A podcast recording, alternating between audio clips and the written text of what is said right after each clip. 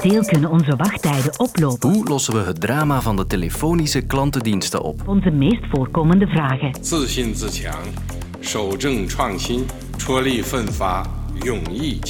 Wat gebeurt er achter de rode gordijnen van het Chinese partijcongres? Of is dat gewoon een gescript toneelstuk? En spoelen er de laatste jaren meer zeezoogdieren aan? Ik heb het gevoel dat het er meer zijn. We hadden enkele weken geleden nog maar een kadaver, hè? Stink. Bah. Ik ben Lode Roels en je luistert naar het eerste kwartier van deze nieuwe week. Welkom.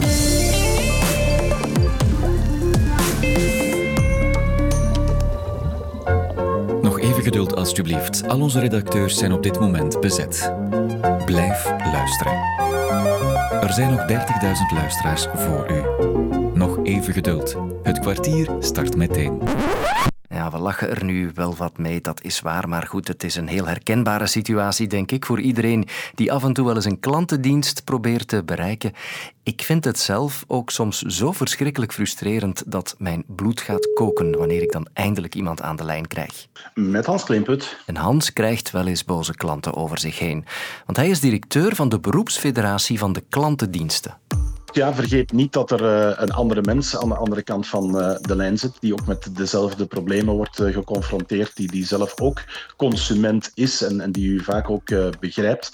Dus het heeft weinig zin om daar boos op te worden. Wees een beetje beleefd en vriendelijk tegen die persoon aan de lijn. Bedank die ook eens voor hetgeen hij of zij voor u wil of kan betekenen. Dat kan zeker helpen.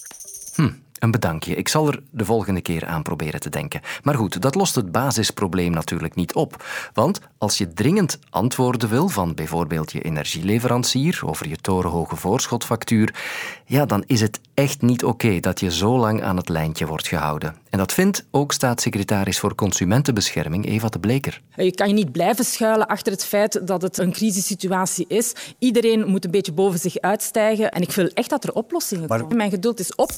Ja, dus oplossingen zijn nodig. En ja, dat begint er natuurlijk bij voldoende personeel. Maar de vacatures raken niet ingevuld, zegt Jan de Nijs van Randstad. Het zal geen geheim zijn voor mensen die de arbeidsmarkt een beetje volgen, dat we voor heel veel jobs uh, moeite hebben om de juiste mensen te vinden en voldoende mensen te vinden. En uiteraard speelt dat ook bij uh, callcentermedewerkers, absoluut. Ja. We hebben een heleboel vacatures, honderden vacatures openstaan. Ja, verwonderlijk is dat ook niet. De lonen van callcentermedewerkers zijn niet al te hoog. Je krijgt vaak lastige klanten te horen. Er komt shiftenwerk bij kijken ook, want mensen willen buiten de kantooruren kunnen bellen met vragen. Dus ja, hoe kan het dan toch beter worden bij de klantendiensten? Yves van Varenberg aan de lijn. Dag meneer van Varenberg. Dag Lode. U bent professor klantenservice aan de KU Leuven. Um, is er een kant-en-klare oplossing voor de problemen bij de klantendienst? Hoe kijkt u daarnaar? Er is geen kant-en-klare oplossing. Het gaat om een uh, cultuurverandering binnen organisaties en daar wringt het schoentje. Mm-hmm. Dus wat er nodig is, is dat men eigenlijk een stukje anders naar het customer service departement gaat aankijken. En nu is dat een beetje het uh, stiefbroertje dat stiefmoederlijk behandeld wordt. Uh, er wordt heel veel uh, gekeken naar de kost van het customer service departement, omdat die ook heel zichtbaar is. Je kan perfect zien hoe lang een telefoontje duurt en, en, hoeveel dat precies kost per minuut enzovoort. Maar het is eigenlijk een investering. Er zijn studies die aantonen dat het tussen de 90% à 400% return on investment kan geven, wat toch wel vrij groot is. Um, maar dat is niet altijd zichtbaar, dus dat moet ook een stukje meer uh, aan de oppervlakte komen. Ja, want er zijn wel degelijk voordelen van goed werkende klantenservice natuurlijk. Uh, is automatisering, zoals in veel sectoren, is automatisering een mogelijke oplossing? Ja en nee. Uh, je kan delen van de customer service afdeling automatiseren.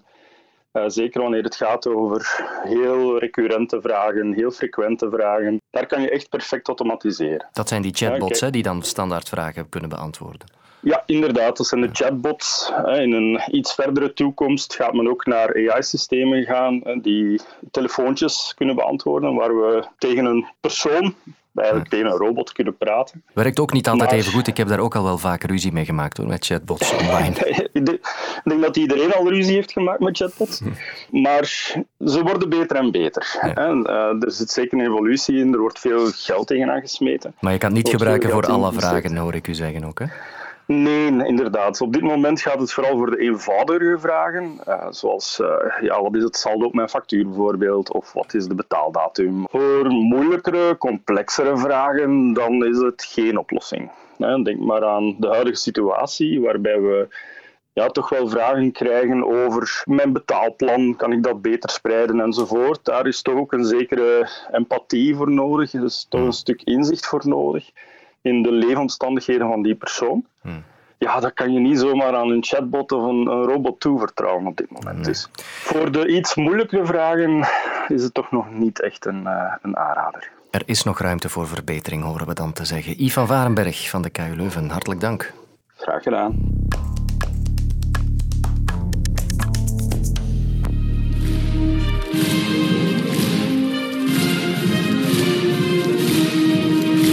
China is gisteren het congres van de Communistische Partij gestart. Ruim 2000 afgevaardigden verzamelen in Peking voor de vijfjaarlijkse bijeenkomst die de koers van de partij en dus ook de koers van het land zal bepalen. De Chinese president en partijleider Xi Jinping opende het congres. Hij had het onder meer over Hongkong, Taiwan en corona. Het partijcongres zal Xi trouwens ook aanstellen voor een derde ambtstermijn. Het grootste politieke evenement in China lijkt toch vooral een strak geregisseerd toneelstukje waarbij de partijleden vooraf al weten hoe ze moeten stemmen. En het spreekt in elk geval tot de verbeelding. Ik zocht een antwoord op mijn vragen bij Ingrid Dogen. Ja, goedemorgen. Ik kondig u aan als Ingrid Dogen, sinologe en coördinator van het China Center aan het Klingendaal Instituut. Klopt dat? Ja, helemaal goed. Ja, mevrouw Dogen, ik heb zes vragen voor u.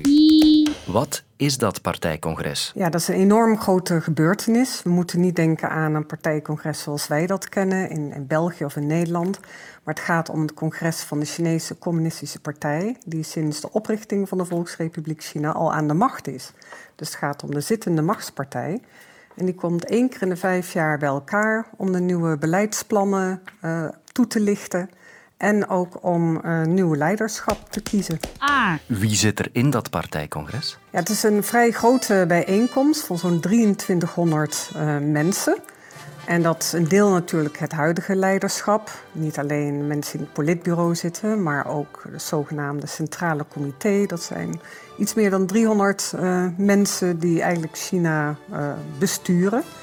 En dan daarnaast komen er vanuit het gehele land afgevaardigden van lokale partijorganisaties. Los daarvan uh, zorgt de Communistische Partij ook altijd voor dat er wat beroemde mensen naar dat partijcongres gaan. En een mooi voorbeeld eh, deze keer is bijvoorbeeld dat een vrouwelijke astronaute, en de eerste Chinese astronaute die een ruimtewandeling heeft gemaakt, die is ook afgevaardigde. Is dit een vorm van democratisch bestuur? Nee, absoluut niet. Het is helemaal geregisseerd. Het is zelfs zo dat het partijcongres pas wordt aangekondigd op het moment dat alles goed geregeld is, alles goed is voorbereid. En als het dan plaatsvindt, is er ook geen ruimte voor debat of voor onverwachte gebeurtenissen. Alles moet netjes verlopen, zodat het land, het volk kan zien dat de partij alles onder controle heeft, dat er eenheid is binnen de partij, dat alles, eh, alles goed verloopt en dat de steun ook heel erg breed is voor de partij. Wat is het verschil met het Nationale Volkscongres? Het partijcongres is het congres van de communistische partijen. Die stelt zo'n 96 eh, miljoen leden. En dan een half jaar later, in het voorjaar, heb je het Nationale Volkscongres. En dat is een uh, grote afvaardiging, ook weer van meer dan 2000 man, uh, van mensen die uh, bestuursfuncties bekleden. En vaak overlapt dat een beetje, omdat bijna iedereen in China die een belangrijke bestuursfunctie vervult, is ook partijlid. maar er zitten ook wel verschillen. Partijcongres is altijd het belangrijkste. En daarom vindt hij ook een half jaar eerder plaats. Zijn er in China ook andere partijen? Nou, er zijn ook nog acht andere partijen. Die zijn wel lang geleden opgericht in de jaren 20, 30, 40. Uh, er zijn er acht om precies te zijn. En sommige hebben hele mooie namen. Bijvoorbeeld de China Democratische Liga of de Chinese Boeren- en Arbeidersdemocratische Partij. Maar het heeft helemaal niets met democratie te maken. Het zijn ook geen oppositiepartijen. Deze partijen mogen onder het leiderschap van de Chinese Communistische Partij mogen ze op bepaalde thema's uh, mogen ze initiatieven nemen of ze een beleidsplan ontwikkelen. Maar zij mogen niet ingaan tegen de beleidslijnen van de Chinese Communistische Partij. Dus je kunt het eigenlijk meer zien als een soort onderafdelingen. Uh, maar daarmee creëert China natuurlijk wel een soort illusie dat er toch meerdere partijen zijn. Past zo'n partijcongres nog in het moderne China, dat toch ook het kapitalisme omarmt? Eigenlijk past het wel heel erg goed. Alles is in China natuurlijk heel erg strak geregisseerd. En alles uh, wordt direct aangestuurd door de staat, door de overheid. En uh, u noemt zojuist het kapitalisme, inderdaad, uh, dat uh, bestaat in China, maar dat is eigenlijk meer staatskapitalisme. Dus eigenlijk past het heel goed dat zo'n strak geregisseerd partijcongres daar nog in plaatsvindt. En dat is ook wat de mensen kennen. En een heleboel mensen vinden het ook een hele mooie happening, zijn trots op, op, wat er, op de stappen die China zet, op weg naar ontwikkeling en naar welvaart. En uh, daar, daar hebben mensen ook geen moeite mee. Ze zijn natuurlijk ook niet een ander bestel uh, gewend. Fantastisch, dat hebt u heel mooi uitgelegd, eh, mevrouw Dogen. Nou, graag gedaan. Het dier van het weekend was zonder twijfel het orka-vrouwtje dat aanspoelde op het strand van Katzand, net over de grens in Nederland. Een verdwaald dier, want orka's horen niet thuis in de zuidelijke Noordzee. Het was dan ook geen verrassing dat het verhaal slecht afliep. De orka van Katzand heeft het niet gehaald. Het was ook vanochtend nog een gespreksonderwerp bij ons. En de redacteur Katrien Boon haalde er zelfs haar eigen walvisverleden bij.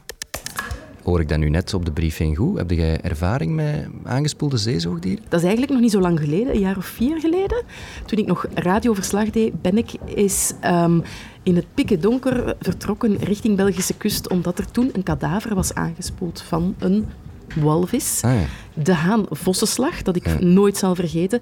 Zo'n opgang tussen de duinen, daar was uh, ja, niks, heel donker.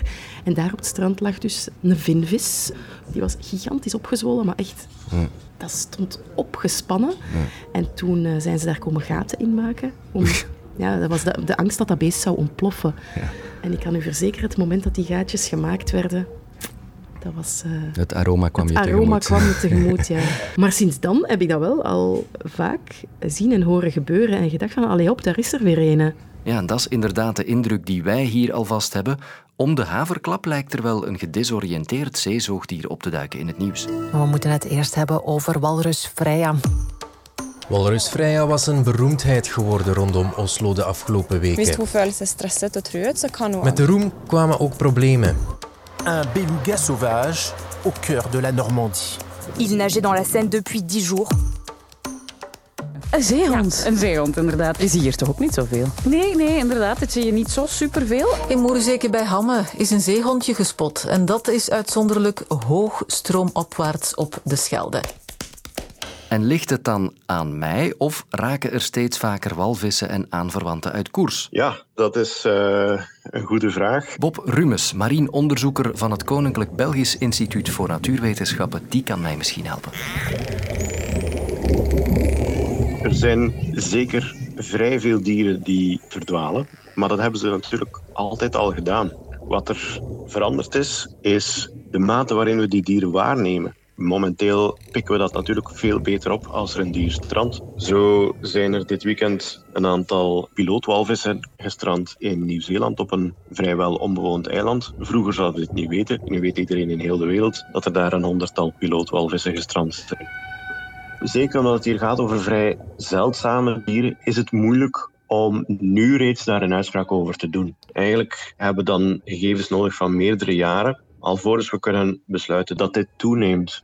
Die twee orka's dit jaar is, is zeker opvallend. Bij ons komen die dieren niet voor tenzij ze verdwaald zijn. Die orka's ten noorden van Schotland, daar heeft men vastgesteld dat de dieren onderhevig zijn aan heel zware vervuiling met PCB's, waardoor zij eigenlijk schade hebben aan uh, weefsel, maar vermoedelijk ook een, een hersenfunctie is aangetast. En daar vermoedt men dat die dieren dan ook gemakkelijker verstrengeld of uh, verdwaald geraken. Het woord dat daar regelmatig valt is klimaatverandering. Maar eigenlijk van, van die, die soorten die je daar opnoemt, dus de beluga en de walrus in Oslo, die durven wel eens voorkomen in die gebieden. En, en zeker dan de beluga, die, die houden er wel eens van om stroomopwaarts te zwemmen, om prooien te gaan zoeken.